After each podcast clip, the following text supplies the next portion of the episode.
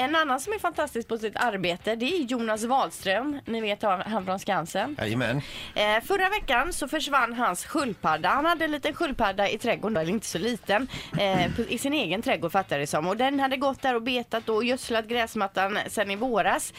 Och dagen efter att den försvann så fick han ett tips om att rymlingen befann sig hos en granne någon kilometer längre bort då. Och eh, när han kom dit så stämde det ju. Där var ju sköldpaddan som heter Sköld. Sköld hade dessutom då hittat en kärlekspartner. Han idkade älskog står det med en robotgräsklippare. han, var, han var oskadd eh, var han Sköld.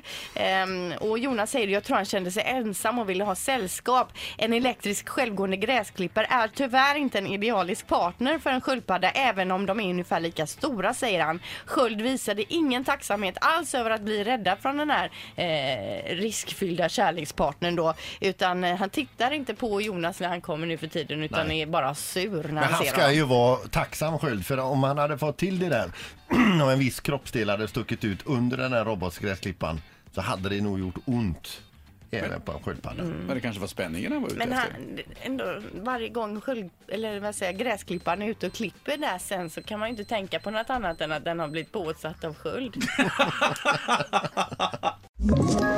Ett poddtips från Podplay.